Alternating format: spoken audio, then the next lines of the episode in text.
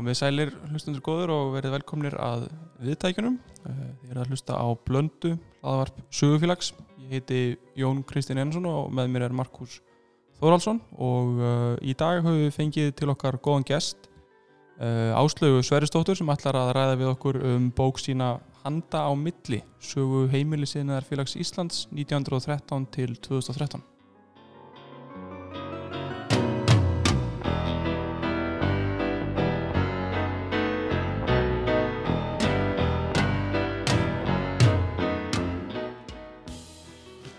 Áslaug Sverrisdóttir er doktor í sakfræði frá Háskóla Íslands, hefur skrifað sögu heimilis yðnaðarfélags Íslands sem gefin er út af sögufélagi í samstarfi við heimilis yðnaðarfélagið. Áslaug, verðu velkomin. Og kannski fyrsta spurningin, hvernig kom það til að þú skrifaðir sögu heimilis yðnaðarfélagsins? Þakkaði fyrir. Ég var, ég fætt 1940 og 1972 gerist ég félagi heimilsinna félaginu. En ég hef dvalið Erlendis, ég hef dvalið í Bjandaríkjanum í allmörg ár og heimkomin þaðan þá sá ég auðlýsingu frá heimilsinna félaginu 1968 þar sem auðlýst var námskeið Júttalitum. Í hvað þeir júrta litur? Júttalitum. Já, það er einhvern veginn, maður fær svolítið á tilfinninguna að það sé eitthvað sem hafi verið mjög vinsalt á þeim tíma. Eitthvað svona náttúrulegt eitthvað. eitthvað. Já, það er hugsanlega tilfinning sem þú hefur en ég er Já. ekki viss um að það hefur verið almennt akkurat. í þjóðfélaginu. Frekar svona sérveðiskulegt. Já, og kannski unga fólkið sem var svona þessi hippa kynslu kannski, Já, sem að langaði til þess að gera eitthvað svona. já, og ég kom sko beina leið úr henni Var það ekki? á þessum tíma Akkurat. frá Bandaríkjunum. En uh, hvað sem því líður þá tengingin við heimilis, mín tenging við heimilisina félagi orðin æðilöng og uh, þegar félagið var 100 ára 2013 þá ákvað stjórnin að nú er komin tími til að láta skrá þessi 100 ár sem hefði starfað. Það var stofnun 1913 Já. og uh, þá höfðu þau samband við mig. Ég var þá komin í sagfræð og fann að kynna mér svona sagfræðlega atriði. Og ég hugsaði með mér að þetta er nú ekki mikið mál. Fyrst að ég svona hafði kent í heimili sinnaði félaginu og, og þekkti svona innviðið þess svo litið þóttist ég. En uh, þetta reyndist snúið mál að bæta við þessum árun sem að eftir voru sko. Ég hafði kynnt mér svona uh, í doktorsauðgerðinu mínu hafði ég kynnt mér svona aðdraganda heimilsinnar hefingur í Skandinavíu og ég var kunnur svona fyrstu kannski 20 árunum í heimilsinnarfélags Íslands og mér bjóst ekki við þetta mikið mál að gera ákvöngin en það var snúið en um, hvað um það? Ég hefði tekið þetta að mér og það var ekkert um annað að gera heldur en bara að halda áfram með þetta. Ekkert að gefast upp. Nei, ekki gefast upp og þetta var ágæti sem við bót við rannsóknina sem ég hafði þegar farið í um uh, sögu heimili sinna félagsins á Norðurlöndum heimili sinna félag á Norðurlöndum og heimili sinna reyfinguna á Norðurlöndum og nú mætti kannski spyrja um þetta hugtak heimilis yðnaður. Já, ég var einmitt að velta því fyrir mér og þetta er eitthvað sem að, er þetta hluti af þessari miklu félagsreyfingu setni hluta 19. aldar eða eitthvað? Þetta er bara hluti, já, þetta er raun og verið hluti af þessum félagsreifingum sem að það fóru í gang. En hugsanlega gætu ímsir, eða, eða minnst ef ég bara tala fyrir sjálfa mig, þá þegar ég byrjaði á þessu, að hugtakið heimilisinnaður, ég hafi gert ráð fyrir því að þetta væri gamalt hugtak. Þetta hefði verið notað yfir vaðmálskerðina á miðöldum, prjónaskapin á 17. og 18. öld þegar flutt var út alveg hundruð þúsunda para á ára vellingum og sokkum. En þetta var ekki notað þá. Yfir þessa vinnu voru notuð eftir því sem ég best kemst að hugtök eins og ullarvinna og tóvinna setna. Það kemur setna bara ullarvinna og svo bara prjónaskapur og vefnaður vaðmálsvefnaður í, í, í klástina vefstað og vefstöðum sem margir hafa verið í gangi. og einmitt þetta yðnaðar hugtak er daldi kannski nýaldarlegt þetta er sem sagt eitthvað sem verður til á 19. öld Já, það er svolítið nýjadalegt. En það kemur raun og veru inn uh, fyrr þetta, þetta, er, þessi, þetta hugtak yðnaður, þetta er svo litið sveianlegt. Þú getur talað raun og veru um, um uh, litunar yðna löngu fyrir við skulum segja að tilbúinu litur koma til sögunar. Þú hefur hugsað til dæmis um uh, franska litunariðina Lúðvík 14 og þar fram til göttunum.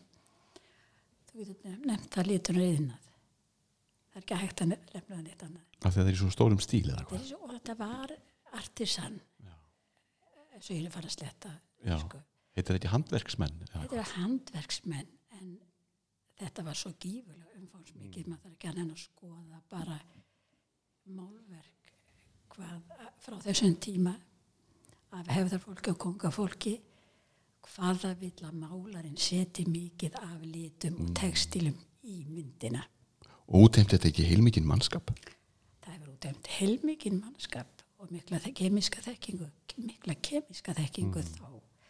En ef við hverfum nú frá miðöldum og yfir í yðnarhugtækið síðar, þá kemur uh, það til sögunar í sambandi við heimilisiðnað, uh, ef ég tek Danmörku og danski þjóðfræðingurinn Karsten Hess, hann segir að þetta gildislaðna hugtak sem hann segir vera kemur til sögunar um 1870 eða setni hluta 19. aldar í Danmörku. svona seint Það kemur svona seint og það kemur svona svipuðum tíma á Norðurlöndunum. og Íslendingar takaði upp líka eða hvað Íslandingar taka það upp næstuði eins og uh, uh, bara, þannig kalla þetta húsflið. mm Normin kalla þetta uh, Svíjar kalla þetta heimslaut og uh, þetta er svipað á, á Norðurlandamálunum. Já, en það er sagt það upphöst umræða um heimilisíðinað á Norrlöndunum og Íslandi undir lók 19. aldar um það leiti uh, en svo er félagið heimilisíðinað fyrir Íslands stopnað 1913 á Íslandi ekki satt. Já, Hva, hvað kemur til þar? já, hugtakið er komið á kreik hérna á prenti 1890 og það getur verið komið fyrr á kreik í umræðu mann á milli því að þarna er ég bara miða við orðabók uh, orðasafn háskólans sem gefur vísbendingar. En síðan félagið stofnað eins og áður hefur minnst á hérna í bylgu félagsreifingarinnar ungmennafélagin öll möguleg lestrafélag svo ekki sé nú minnst á hvern félagin og eiginlega það likur beint við að, minna strax á, á Halldóra Bjarnadóttur sem er, er skráð sem heimili sinnaráðunautur í yfirliti svona í yfirlitsritum yfir eh, Íslendinga sem þekktir eru. Og hún segir í riti sem að Vilhjálmur Vilhjáns og Bladamæður skrifaði um hana eftir henni sjálfri að hún hafi stopnað hundrað hvemfjölug. já, yðin var hún. Hún er fætt eh, 1873 og þegar ég las þetta hugsaði mig, já, já, heldur hún sagði nú ímislegt og var hress. Ég ætlaði aðeins að aðtóða þetta betur. Og ég fór í Ríðsigrið Tólasíusar, hún hafði tekið saman eh, um stopnum hvemfélag á Íslandi.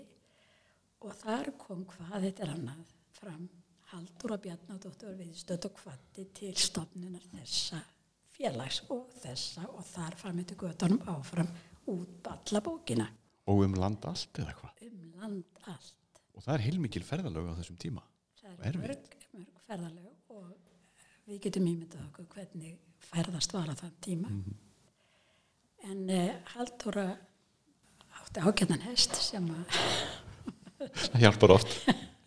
Á þeim tíma það já. alveg.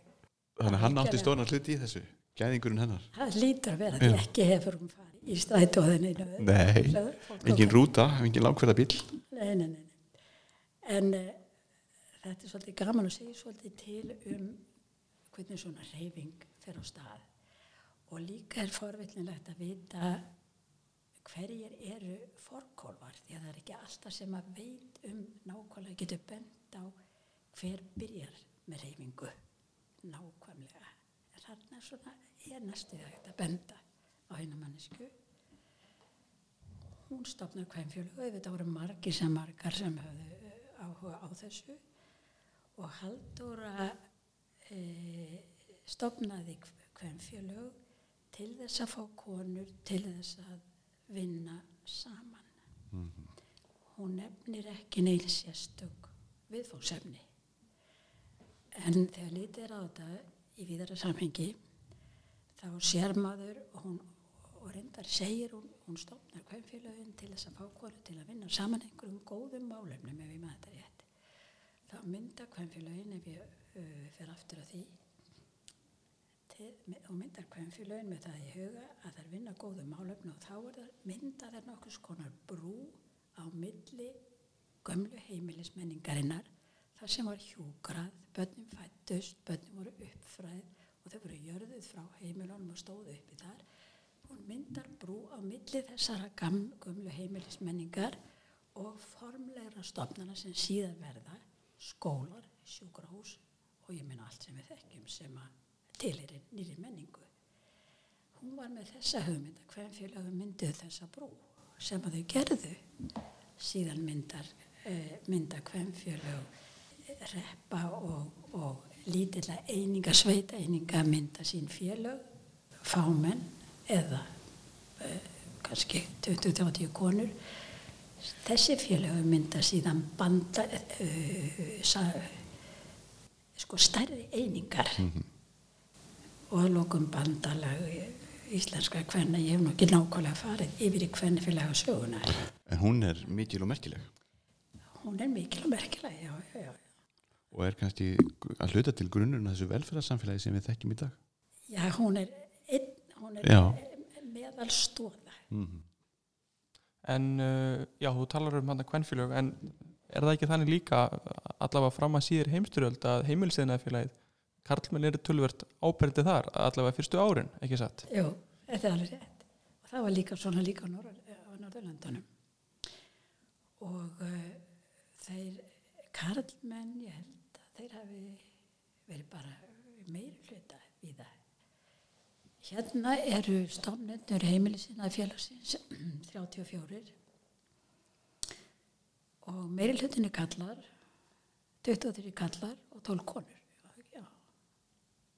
meiri hlutin er kallar og þetta eru svona framámenn í þjóðfélaginu Jón Þórarinsson fræðslumálastjóri Áskir Torfarsson verkfræðingur Mattias Þórðarsson þjóðminnaverður allt svona resir ungir menn og búin að hlaða á sig allskins merkilegum störfum og taka þetta líka að sér.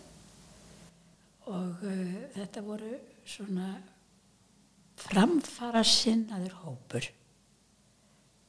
Og heimili sinnaður félagið í lögum þess stendur að það er að, að uh, stöla þjóðlegum heimili sinnaði og vemdan og, og, og styrkja allan átt og stöla sölans og þetta getur snarrugla nútíma fólk að nota þetta hugdag þjóðlegur. Mm -hmm. Það verðist vísa bara beinustu leið í að stöðla eitt að einhverju sem að væri í samræmi við gamla sveitarsamfélagið. Raun að veru bara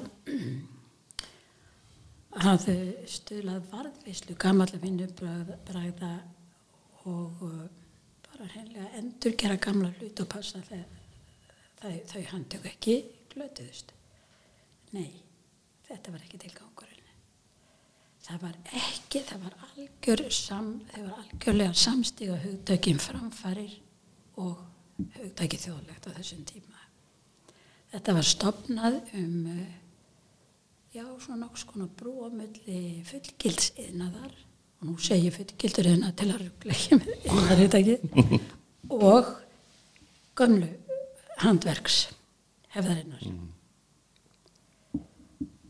og þá hrjóksa sér að fólk læriði einhverja hluti fólki sem að flutta mölun þetta var svolítið miða við það það voru gríðarlegar fólkflutningar á höfuborgarsvæði og þéttbílisvæðin, höfuborgarsvæði sem var verið að gera höfn og, og, og ymsar bætur, umbætur og uh, fólk hafði ekki stöðu á atvinnu. Það var komið lótið þar sem var sjósókn og uh, svona, ég ætlum fólk var með búfja í, í borginni. Og síðan komu uh, tímaskeið þar sem að var bara ekkert að gera.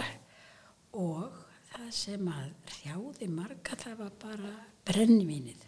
Já, og þetta var hugsað líka svona til að stemma stigu við óreglu og, og svona sökki eða hvað átt að kalla þetta var ekki, ekki gott ástand á mörgum heimilum vegna þess þegar engin atvinna var. Og þá var heimlisinnaðurinn meðal annars hugsað bæði sem siðrænt framlag og hagrænt. Að fólk geti verið með eitthvað á milli handana og þeir sem hafa stundið að vera með eitthvað á milli handana nú er ég að meina því þeirri bóstælegu að vera að búa til eitthvað. Mhm. það eh, það oft eh, ræðir það að það fylgir því velíðun og, og, og svona saklar friður. Já, er það ekki? Og það er líka óholt fyrir fólk að vera yðjulust mjög lengi og, og svona óregla í, í einhverju vinnu er óholt það er þekkt. Já, það er þekkt hvað skelfilegt það er að vera atvinnulaus. Hafa ekkert við að vera. Hafa ekkert við að vera. Og bóstalega þar með hefur það heldur ekkert milli handana í hennum hægrana skilningi. Því að það er líka til þetta að segja að er eitthvað eitthvað á milli handana en þannig er þetta hugsað sem hægrænt og síðrænt framlag. Og var fólk þá jáfnvel að bæta afkomu sína með því að búa til eitthvað sem var þá selt eða hvernig var það? það var vonast eftir að gerði það. Og það var lögða áherslu á að áherslu á, á, á að læra eina grein. Væri ekki bara svona í föndri með hitt og þetta. Lærði eina grein, lærði að vefa vel. Og þá kannski með ný svona öðrum öfnum en ull, bómull og einhverju öðru líni. Og gæti gert á orðið það fætti því að það gæti selt og keft þar með við innfluttan varning Tókst það? Sko, það sem gerist eh, fljótlega eftir að félagið er stofnað, það byrjar að kenna vefnað og trésmiði. 1913. 1914 skellur stríða. Já. Áhrif að valdur mikill. Já, og þá breytist allt. Það var ekki lengur hægt að innfl- eh, flytja inn efni sem að þau höfðu notaði til dæmis í körfugerð og bustagerð eða kenna það líka. Og það breytir öllu og áherslan verður á að bara kenna það sem er fljótlegast og eðveldast á körfugerðinni eh, átt að koma þá inn en það tók fyrir innflutning á því efni þeir fluttu inn efni til þess að gera körfur og busta og uh, þá uh, er það bara einhvern veginn að fleita félaginu yfir þessi erfið ár 14 og svo árið uh, 1917 var virkilega erfið sko Já. Á, á, á marga lund. á marga lund og uh, Og nú vitum við hvernig fór. Það við vitum að heimstyrjöldin lauk 1918 reyndar kom svo spænska veikin fljótlega í kjölfarið og, og erfið ára á eftir. já, En fólk lítur að verið í talsverðir óvissu um hvenar þessu lítju allir saman og, og hvenar hlutinir eru eðlilegir aftur. Og svo setjum þetta bara svona í, í nútíma samíki eins og í kóin okkar sem við stöndum fram fyrir núna, við vitum ekkert hvenar þetta tekur enda en svo horfa afkomendur okkar aftur í tíma og segja hvað, hverju voru þið svona áhyggjufull yfir þessu? Þetta tók enda en, en er eitthvað vitað sko hvernig fólki leið og hvað uh, til dæmis fór, fylltist fólk vonleysi aftur jógst að þú nefndur nú drikkjuskapin til dæmis hvernig var ástandi á svona venjulegum íslenskum heiminum? Svo komum nú bara, setjum einhver svona svigurmæla þetta allt saman og, og horfum á venjulegt fólk. Ég heldur að passa að fara ekki í djúbulegna hérna því Nei, ég ætla ekki að hrinda þér út í heldur.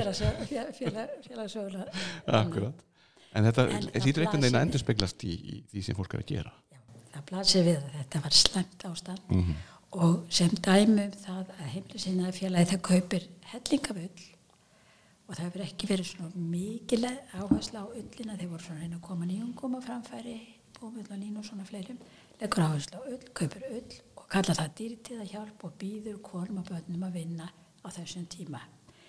Heimilisinnaði félagið eh, setur upp eh, vinnustofu fyrir börn og uh, til að kenna þeim að gera svona hluti eitthvað sem maður mætti selja eða hjálpa til á heimilum, nota korfur, eitthvað, eh, sópor og, og líka.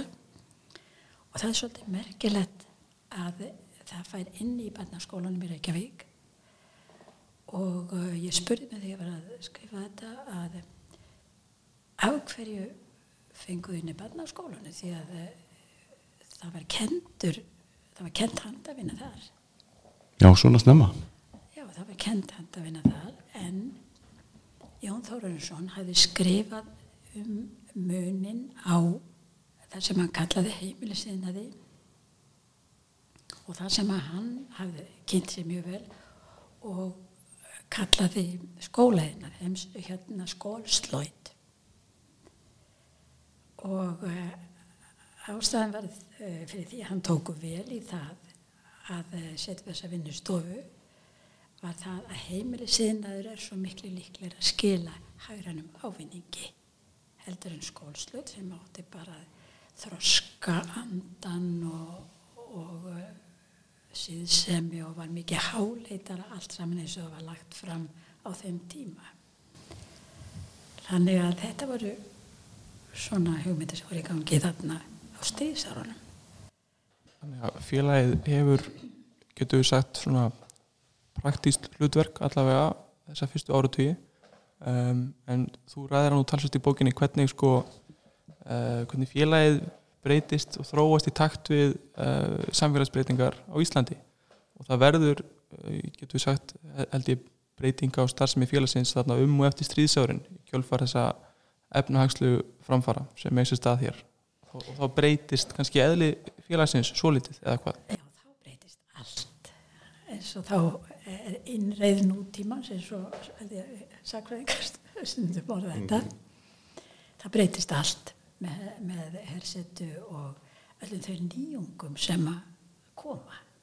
Ráftækjum og öllu mögulegu sko, bíó og, og svo sjónvarpi og þar fram með göttunum og unga fólki það fyrir svona láta meira til sín taka. En þá hefði maður kannski haldið að heimili sinna félagi bara þeirra hlut, hlutverk þess væri bara því var að lokið. En uh, það var ekki það var uh, er bara tóku reglulega flugið og þau að það var alltaf það fókkað, fækkaði körlunum hlutverk félagsins gagvart körlum að kenna þeim að að gera hitt og þetta og halda þeim frá slugs og, mm. og, og vandaðu því var lokið Alltaf vissin á sem köllum alltaf. Og hérna og konurnar uh, taka mestu þetta yfir. En uh, það eru svo það eru mikil áriðu, það eru miklar áskoranir sem fylgja þessari einræði nútímans en þá fer félagið bara flug. Það setur upp vestlun það fer að gefa út hug og hönd ásreit félagsins. Fallega reit sem hefur komið út óslitið að undarskildu einu ári sem var mjög erfitt fjárhagslega. Og það byrjar að, að á, í sam bara í samvinn við ferðarskrift á ríkisins. Og þetta var svo lítið samtal um hvað á að bjóða ferðamönnum.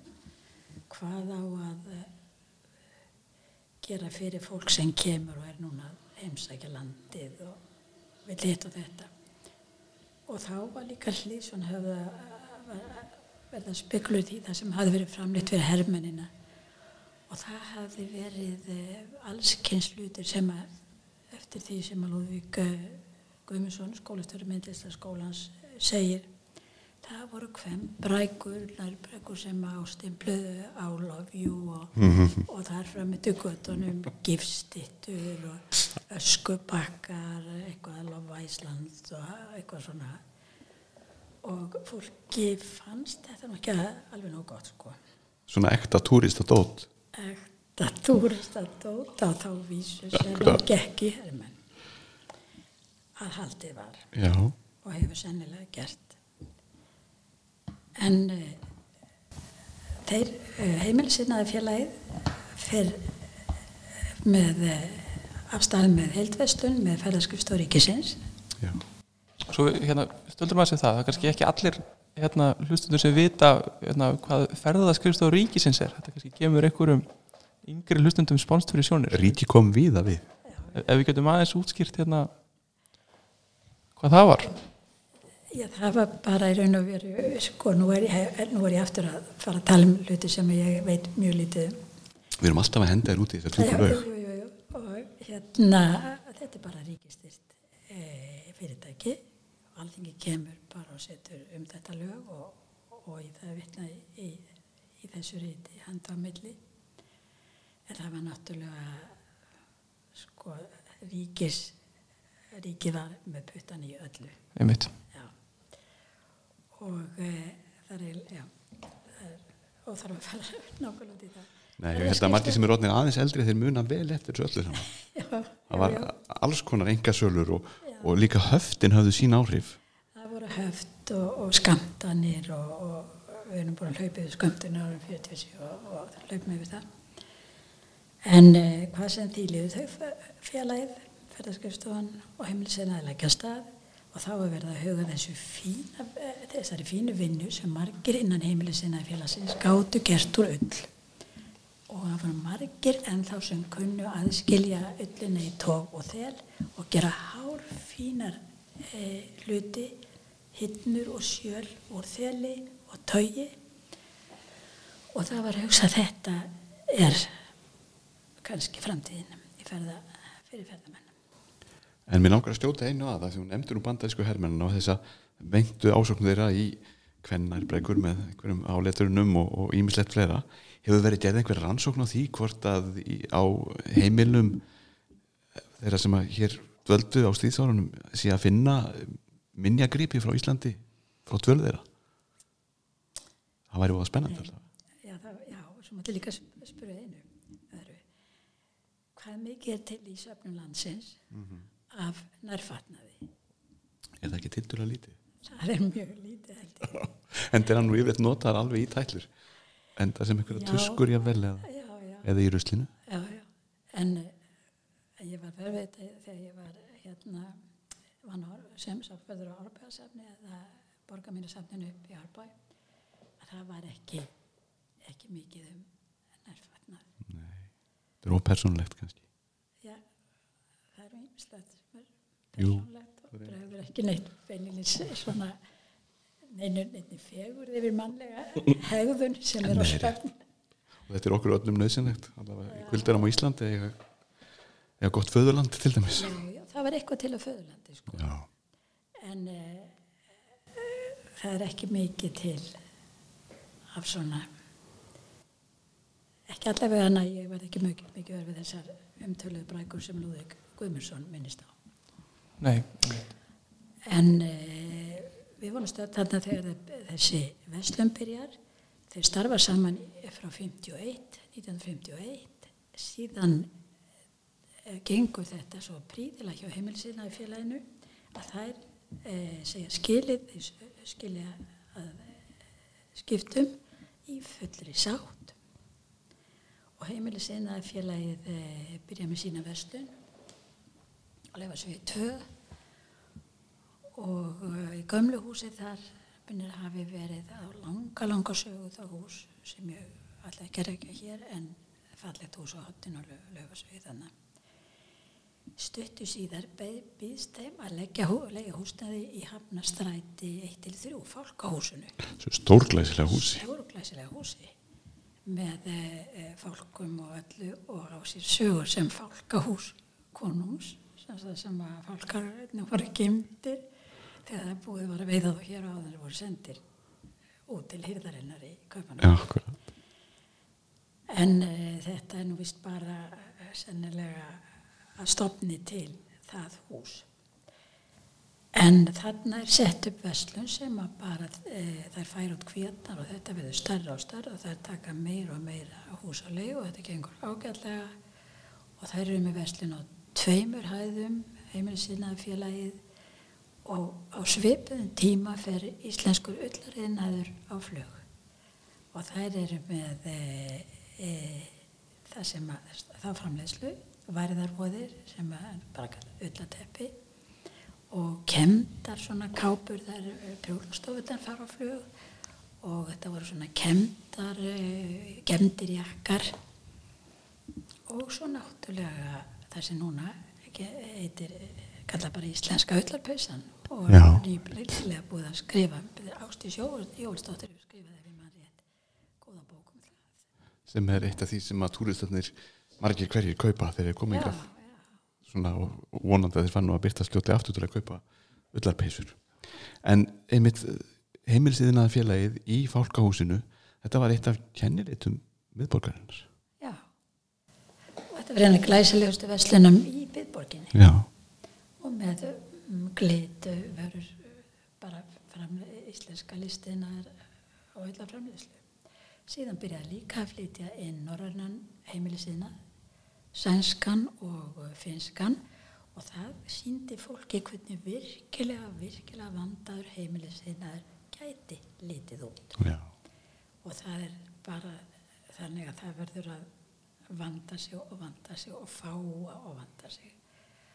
Og þeir sem hafa stútir að síðan framhaldið á því öllu, þeir tengja það hugtökin eh, design, Scandinavian design, við þessa, þennan prósess frá handverkinu, frá heimilis innaði félagunum og upp í gegnum list innaði félagun og síðan í framleiðsluna. Og er þetta, þetta er einhvers konar svona gullaldar ár, er þetta hvað, 70, 70, 80, 9 áratugurinn, eitthvað svona? Já, 8, já, 9 áratugurinn, en síðan gerist það að vestlunarhættir breytast í Reykjavík og bestadæmið það er kringlan. Já, það er undir lok 9 áratugurins. Já, og uh, þar þessar vestlunum, eins og við þekkjum núna það, þessar vestlunum þá var þar eh, kannski einn stór vestlun sem dregur svona kannski matveru vestlun og sér fullt af vestlunum í krimpu, gjafavöru og þetta breyti svo miklu nóa bílastæðum sem ekki var í með borginni Ókeipis bílastæði? Ókeipis bílastæði, já, já og á sama tíma var borgin að laga heilmikið til mm -hmm. í kring um, uh, og fyrir framann í hafnastætinu og svo er stórt atriði sem að gerir það að e, í raun og veru gerir þetta ómulett að reyka þetta. Og það var verðbólgan. Og það held ég bara enginn geti ímynda sér sem ekki hefur bara leifað að hvernig þetta var. Þegar starfsfólk í Vestlunum kannski breytti verðinu þrísvara dag. Með íkjum og öllu saman. Já, en þó sko hún fór upp í 100% á tímaskeiði en síðan var hún bara hún, hún var á 40-60% áskrundveldi í mann og alveg árinu. Þetta var alveg skelvilegt tímabil og, og það var þetta torveldaði öllum sem að voru bæði heimilum og, og öllum sem að höndluðu með fjö og öllu hægkerfinu að halda sjó. Og það var ekkert við þetta ráði fyrir maður komið á, nýjunda áratug. En þetta félagið það hefði fjárfæst mikið það hefði keift húsið að lögum svo í tvö. Það var með mikla útþenslu í hafnastræti mikla og glæsilega veslun og þetta var með stóran lager og það var sett uh, bann á, á hækkunavöru sko sem að þeir gátt ekki að hækka vöru sem þeir hefðu keift mm -hmm. þannig að þetta raun og veru kæfði bara heimilisiðnaði félagið þess að allavega þetta svona stjörnur sko sem að þær voru á mm -hmm. og þau voru á, á, á fyrir þann tíma sko upp á aldamótum eða upp úr myröldinni þegar það fór að félagið fór að stað og um, þarna má kenna um verðbólkudraugnum og kannski ráðstöðum stjórnvalda eða eitthvað? Jú, jú, það er mjög hendur. Svo við við kynumst pólitísk svolítið. Við kennum, minna. Hjá okkur situr Áslaug Sverrisdóttir, hún er höfundur bókarinnar Handa á milli sem er heimilisiðinarfélag Íslands í 100 ár. Það eru 107 ár síðan félagið var stofnað. Eh, Við sittum hér og spjöllum við hana Jón Kristinn Einarsson og Markus Þóraldsson. Þú ert með fleiri spurningar, Jón. Já, ég er með nóg spurningum um, hérna, Það er eitt til viðbútar það er þetta varðvislu hlutverk sem að félagið sinnir einhverju leiti í dag er það ekki? Hvenær kemur það til stugunar? Eh, Til að byrja með er þetta svolítið svona eh, er áherslan á svona, þetta sé praktíst og þetta sé hluti af innvæðingu og kannski nýsköpun einhverju leiti en svo eiginlega umpólast þetta eh, upp á einhverju marki. Og í dag er þetta einhverju leiti varðvislu félag sem sinnir uh, já, varðvislu hlutverki ekki satt? Jú, sko, það sem gerist að, að eins og ég hef sett þetta fram þarna það eru margir áhrif að þættir eftir því sem að mót, sko, nútíminn tekur yfir. Og allir voru ánæði með það allir voru ánæði með framfæri og við þekkjum það bara en þau dag hvað við erum fljóta til einhverjum nýjungar og það. Þá var margt aðflutt fólk það fór að hugsa sinn gang sko, býtu, hvað er að verða um hlutina sem voru hérna í mínu hér og þessi enginni sem voru engend okkur hérna í uh, skagafyrðinum og, og, og akkur er aðvalstar austan og vestan og áttaga félög koma til sögunar og ég eh, áttaga félögin taka sér saman og fara að reyna að safna hlutum sem að því sem eftir er og það var nú sannarlega ekki mikið eftir sumstaðar og safna því saman og stopna byggðasöfn. Og það líka myndast e, svona einhver áhug bara ákveðnar svona hugmyndur um byttur að fara á hrætt í þetta og hvað verður um hérna allt þetta alltaf þess að gömlu hluti og síði og, og söngu og hvað það nú er sem að gerða okkur á Íslandingum og uh, það kemur svona ég fari bara fljótt yfir sögu áhuga á innan heimilisina félagsins þar sem var náttúrulega þegar komið lið af frábærlega færu handelsfólki sem kunni vel til verka. Að það fer að, fer að verða, verða svona ákveðnara ákveðnari líður í starfseminni að bjóða upp á þjóðlegt handverk í þeirri merkingu að það sé eins og gert var íslenska gamla seita samfélaginu og uh, flottasta dæmið sem það var hópur hvernig sem tók sér saman og kynnti sér hvernig gamli íslenski faldbúningur sem var kvorfin og það var til eitt eintaka í Viktoríu og Albert safninu í London. Þetta kannski til að kynna sér hann algerlega þannig að það er læra og endurgera búning. Það kalla sér faldafeiki og uh, læra þetta og gera þetta bara nákvæmlega eins og þessi búningur er. Og þetta var gríðaleg vinna og það myndast hópur sérfræðinga í þessari tegund handverks. Samliða verður meira áhersla á að kenna annað gamalt handverk. Tóskap, spjaldvinnu spjaldvefnað fyrir gefiði spjaldvefnað og annars svona sem að má tengja íslenska sveitarsamfélaginu svolítið á skýran átt og það er mótenismin auðvitað sem að verður svolítið yfirþyrmandi finnst sumum.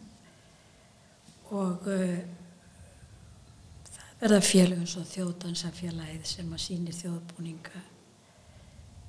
Þjóðminnarsafnið setur upp glæsilega síningar og rannsakar Elsa Guðjónsson rannsakar þjóðbúning og gefur út mikið efnum þá og mér er að það er búin til svona þjóðbúningu kalla sem var nú svo skaldskapur en samt er bara hann tekið opnum örmum.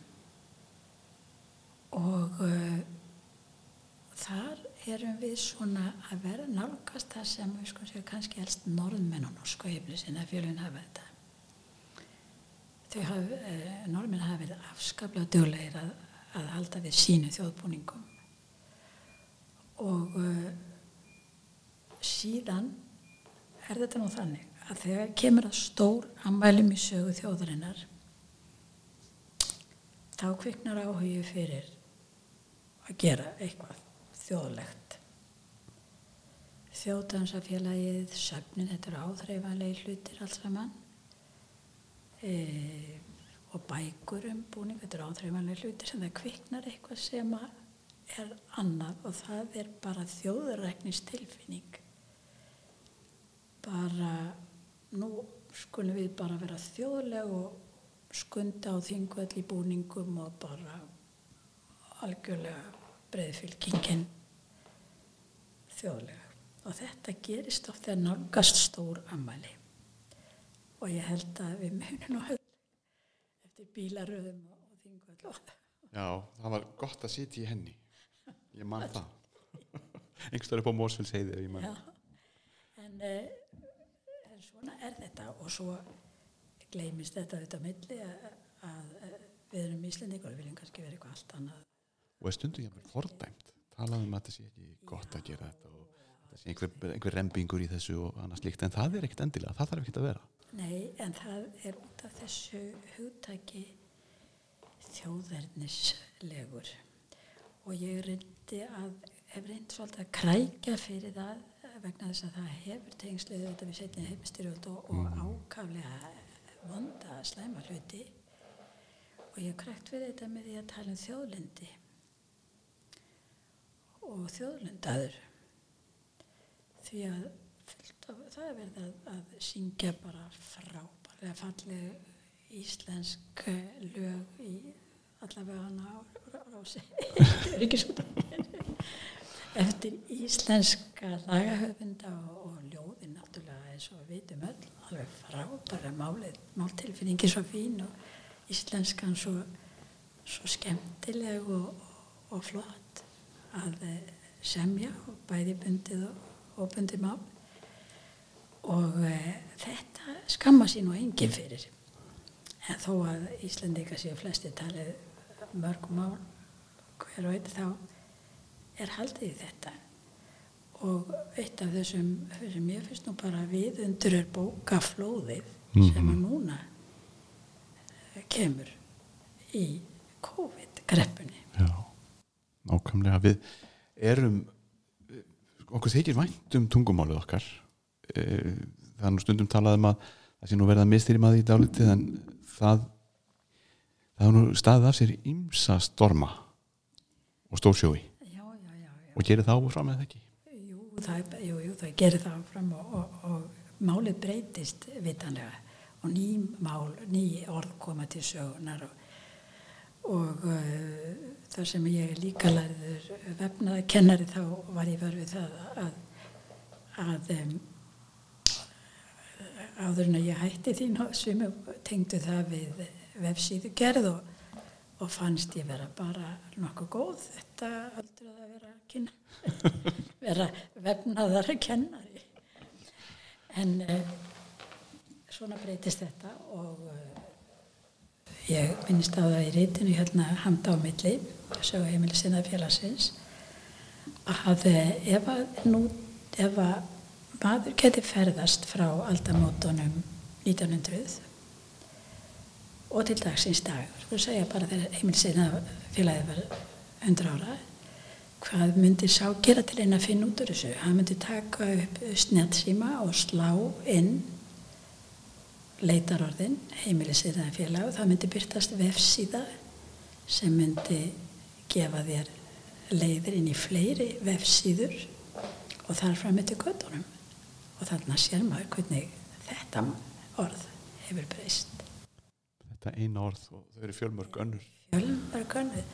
Og það þýtti ekkit að spyrja nútíma Íslending ungan hvað auðvitað ekki tófin að þýtti Nei, einmitt, en það er samt þannig að á þessu árið 2020 þá skipar heimilisiðnaður og, og svona handverk uh, stóran sess í okkar samfélagi, ekki satt, ég var alltaf að tekja eftir því að fólk á, á mínumaldri, ég er 24 það hefur verið að bæði strákar og stelpur hafa verið að byrja auðvitað núna í uh, undan gengnum mánuðum ég ætla þessi, allir þessari heima veru að fólk er farið að hekla og, og prjóna og alls konar þannig að það er einhver, einhver eh, svona taug í okkur sem að þetta snertir við, ekki satt?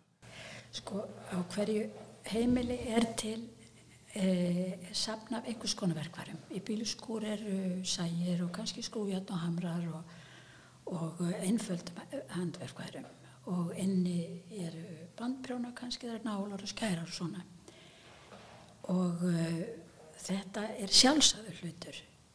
Það er gott að grípa í þetta en þetta er ekki að smíða sólpall eða eitthvað, það er ekki Það er ekki yfirlýsing, það er ekki einhvern pólitísk yfirlýsing í því, en þetta var meiri pólitík þegar heimilisinaði félagið stofna. Þá er þetta raun og verið menningapólitík og, og allt annað. En við notum þetta núna okkur til ánægu og eins og þú segir, það er sprett upp núna, fólk hefur, uh, er meira heima og þarna líka þessi áhald fyrir, prjónar, heklunar og þetta er einföldust áhald sem hægt er að hugsa sér. Og ég hef orðið verfið það í e, að það er hópur sem að prjónar bortuskur og þetta eru hlutur bortuskur sem að eru ekki að mér ég viti til hátt skrifaður í listasögunni Svona svipað og það sem hún nefndir áðan með, með nærhöldin. Já, týnist bara. þessi hópur hefur tekið það eiginlega í þá áttina að þetta eru svo fallið gripir og skrautlegir að e, það er eiginlega bara orðið bara meira háttar mál hjá mér að fylgjast með hvað er að gerast í þessum hópi sem að er að prjóna þessa bórtuskur og sumar eru komnar e, svo langt að þær eru komnar með hundrað í svo fallegum litum og svo velgerðar að er kannski einhver tíma verðar það að kapli listasögunni kaplinum bórtuskurnar en Svo er líka miklu skemmtir að strjúka af með svona fallegum tuskum. svo bara segðu það að það er svo voðalega gaman að halda og fara höndum um fallega hluti tala nokkuð um ef maður hefur gert það sjálfur Ekki síst. En áslög, nútíminn, hann eh, er nú alltaf á hverjum tíma. Það var alveg byllandi nútími árið 1913 þegar félagið var stopnað. En í nútímanum er til dæmis orðin háar þessi krafa um að fara betur með. Eh, og eitt af því sem kannski þú nefndir áðan svona í framhjálpi var þetta að neyslan jógst og fólk keifti hluti og, og það eiginlega bara að spinna við svolítið kannski einnota hluti sem áttu sér stutta æfi og svo var bara keifti nýtt í staðin ef, ef að þeir gengu úr sér en nú kann man um að láta hlutina endast og jafnvel að búa eitthvað til sjálfur og, og passa upp á það að vinnu, það sé ekki illa að fara með vinnu aflengstar í útlandum og, og alls konar svona þættir sem eru, eru mjög háærir í samtímanum. Heldur þetta auki veg og vanda heimilisiðnaðar og, og, svona þess að, að búa til hluti sem að endast að nýju? Og það, ég hugsa að það auki uh, áhuga á handverki. Mm -hmm. heimilisinaði félagið er hluti af þessu.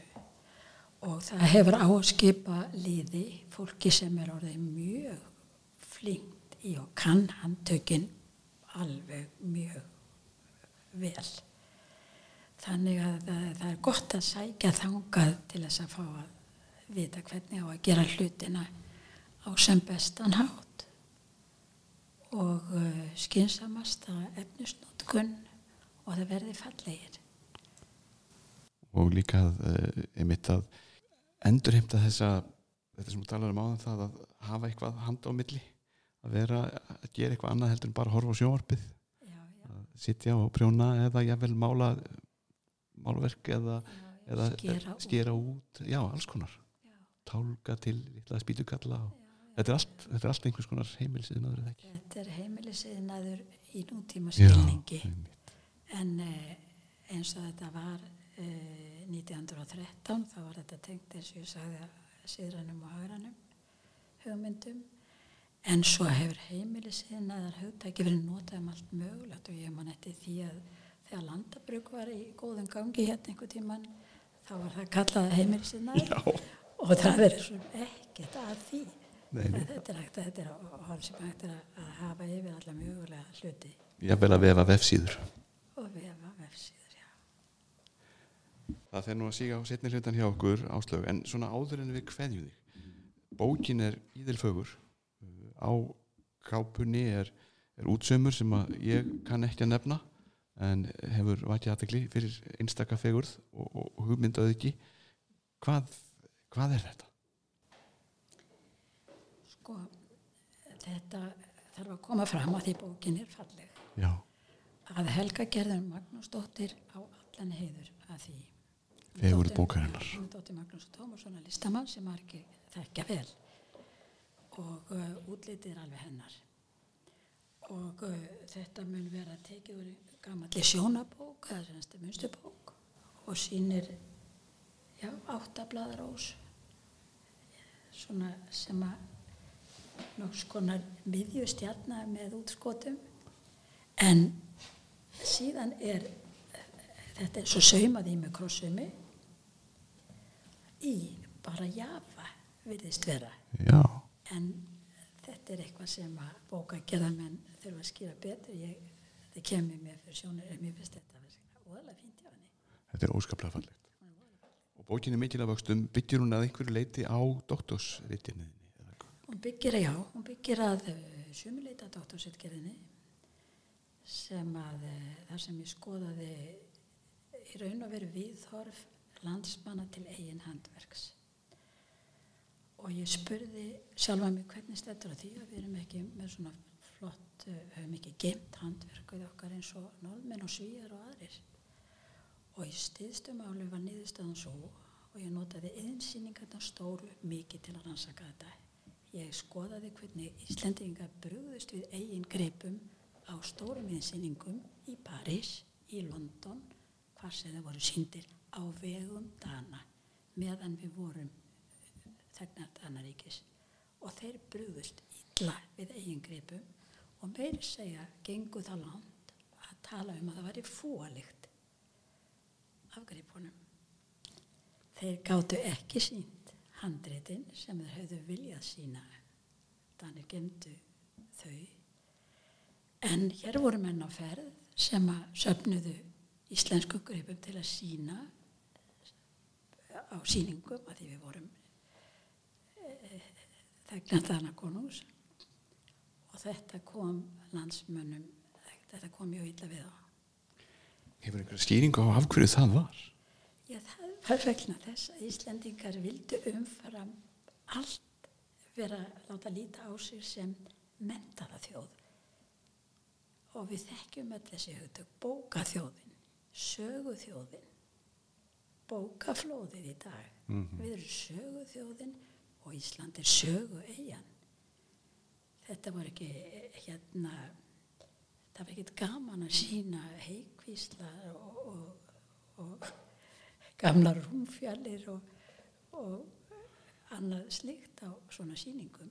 Danir litu hins vegar á þetta sem eitthvað sem hefði geimst frá fjallæri í fortíð og síndi svona, læstu því, menningu sem var svona frosin, geimd í tíma og var því letinu til. En það sem kom afskaplega illa við Íslendinga í sambandi við þessar sýningar var að þeim voru stilt upp við hliðin á grænlendingum. Og grænlendingar gerðu þetta stórkostlega fallega hluti. Og þeir voru með vestunafélag sem sáum að koma því öllu á framfæri skilmerkilega á sýningum.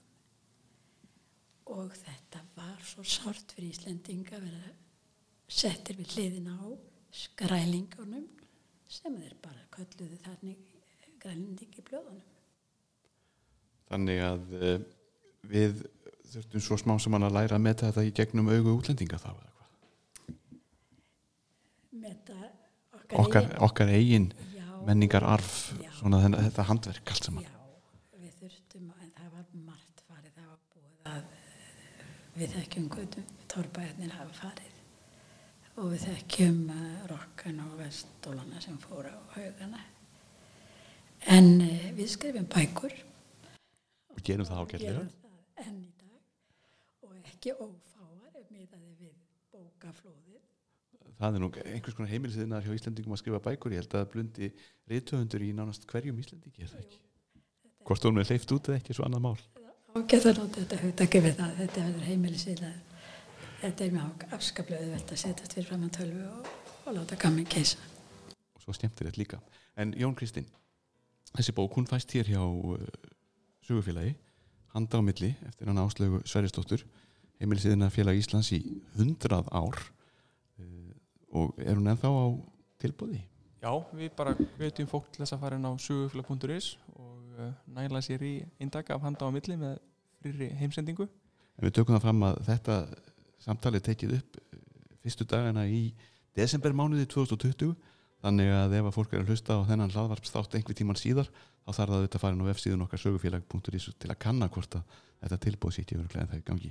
Hvort sem árið er orðið 2021 eða 2025 eða 2030 því að svona heimilisiðinaður eins og hlaðvarp geimist eilífu eins og annar heimilisiðinaður sem að getur dögað lengi lengi eins og fallegu tuskurnar sem að áslögu talaðum en að kveðja áslögu Jón Kristinn eða áttu eina spurningu handin í lókin er eitthvað sem að brennur á þér? Ég, ég er alveg, alveg reyn sko. Það er Ég- kannski eitt það er hérna ef fólk hefur, er áhuga samt og, og langar að byrja en veit ekki hvað á, hvert á að snúa sér. Hvað, það er hægt að skrá sig í heimilsennaði félagið, er það ekki? Jú, heldur betur, hafa bara samband við heimili sinnaði félagi til. Endilega það verður vel tekið á móti. Frábært. Svo máli búst því að eftir önnur 100 ár þá verði einhverjir menn í sömu stöðu og við öll þrjú að tala um 200 ára sögu heimilið þinna félags Íslands. Jú, jú, við gerum ráð fyrir því. Já, lengi lifir í, í gamlum glæðum. Áslaug Sveristóttir, takk fyrir að koma til okkar í blöndu hlaðvarp sögufélags mjög fráleitt og áhugavert og ég vona að hlustundur hafi notið. Takk. Jón Kristinn, við kveðjum í dag. Já. Takk fyrir samfélgina og verið góð hvert þið annað, verið sæl